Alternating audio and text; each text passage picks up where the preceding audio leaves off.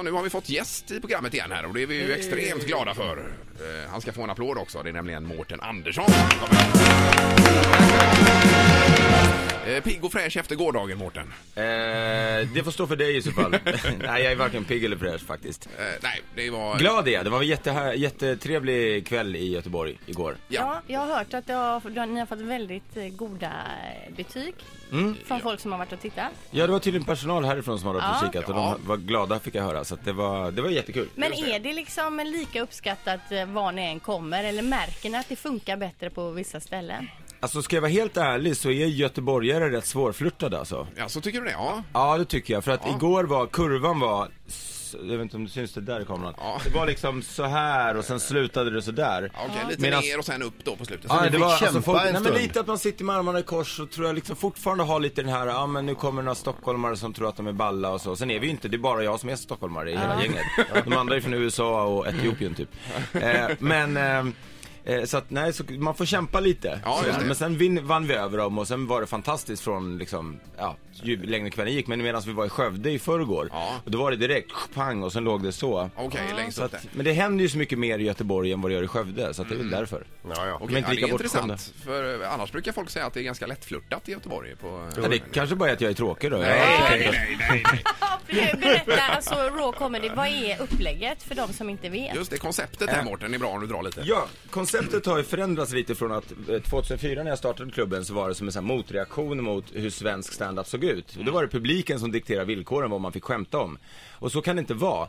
Publiken ska få göra ett val, men de kan inte diktera vad det ska skämtas om. Så, och jag hade varit i England och bott där och varit väldigt inspirerad av hur mycket eh, det gick att skämta om, allt liksom. Så jag kom hem och sen så startade vi klubben och det var väldigt rått och hårt och elakt och man fick inte dricka någonting Loka på scenen och sånt. Utan det var öl eller sprit eller ingenting. Jaha. Men sen har ju folk blivit lika råa i parlamentet och sånt där så att nu, det finns inget självändamål i att vara elak. Nej. Så att nu är klubbens styrka att vi blandar nya talanger med de absolut största svenska komikerna och internationella stjärnor. Ja. Och sen så brukar jag ofta säga att så här, komiker är som idrottsstjärnor. Att man är, ibland är man i form, ibland är man inte i form. Och det vi är bäst på det är att vi ser enormt mycket stand-up. Vi vet vilka som har formtoppat sig till just nu då. Just det. Är det. Och när du pratar om formtoppning, är det att man har ett bra manus att gå efter då? eller hur? material. Snarare så här, du kanske går igenom en skilsmässa, du kanske blir pappa, du kanske blir, blir eh, köper ett nytt hus, Ja, du ja. kanske liksom blir arbetslös eller du kanske får flyttar utomlands. Det händer någonting i ditt liv som påverkar ditt sätt att skriva, Okej, ja, just som det. gör att du får en ny injektion och helt plötsligt bara blommar ut. Ja. Det finns ju komiker som har varit liksom, inte sk- skrivit bra och inte varit lyckliga i sitt liv Mm. i, på flera år och helt plötsligt så bara pang, mamma vad är det som har hänt? Ja. Så att, eh, Men ja, vad, så är det vad, vad intressant. skojar du om just nu då? jättemycket om mig själv, nästan bara om mig själv. Och Ola Lindholm. Ja, nej, men, och de går nästan lite hand i hand faktiskt.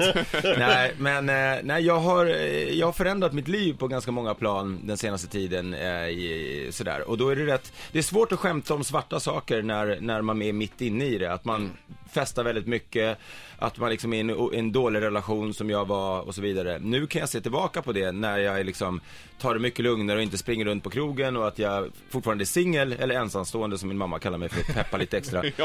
Ehm, så, så kan jag se på det och skoja om det liksom sådär och att, men nu handlar det en del om så här nätdating och det handlar om eh, eh, hur jag mår nu när jag inte är full varenda dag och liksom, ja, jag, jag gör upp med mig själv lite grann. Jag Ja, tror att just många det. kan känna igen sig i det. Och det är som en terapi kanske för dig också då? Ja. I vissa stycken? Absolut, Ja, det är det verkligen. Och ibland, men där får man ju passa sig för att det inte blir för terapeutiskt utan att det måste fortfarande vara roligt. Ja, det jag har en grej som handlar om att jag nästan drunknade i somras och den, första gången jag gjorde den så höll ju folk, de blev, det blev tyst i rummet. Ja. Men nu har jag lyckats hitta vad det som är kul i det eh, och så nu är det inte lika farligt längre. Nej. Och det måste alltid gå en period innan man kan skämta om saker som du var inne på. Ibland, Ja. som efter World Trade Center, så tog det, började det komma på nätet där olika skämt. Och det är liksom, För tidigt? ja, men- det är ju inte okej. ens, Men var det inte du. Mårten som hade sagt det? Tragedi plus tid är lika med komik. Eh, ja, jag önskar att jag hade sagt det, men är det Woody Allen kanske? Men det är, eh, men det det är är, lika. Här kunde du bara sagt ja. ja men jag vill ju inte, jag vill skriva egna grejer. Ja, ja, ja, så är det. Ett poddtips från Podplay. I podden Något Kaiko garanterar östgötarna Brutti och jag, Davva, dig en stor dos skratt. Där följer jag pladask för köttätandet igen. Man är lite som en jävla vampyr. Man har fått lite blodsmak och då måste man ha mer. Udda spaningar, fängslande anekdoter och en och annan arg rant. Jag måste ha mitt kaffe på morgonen för annars är jag ingen trevlig människa. Då är du ingen trevlig människa, punkt. Något Kaiko, hör du på Podplay. Därför är gardinerna.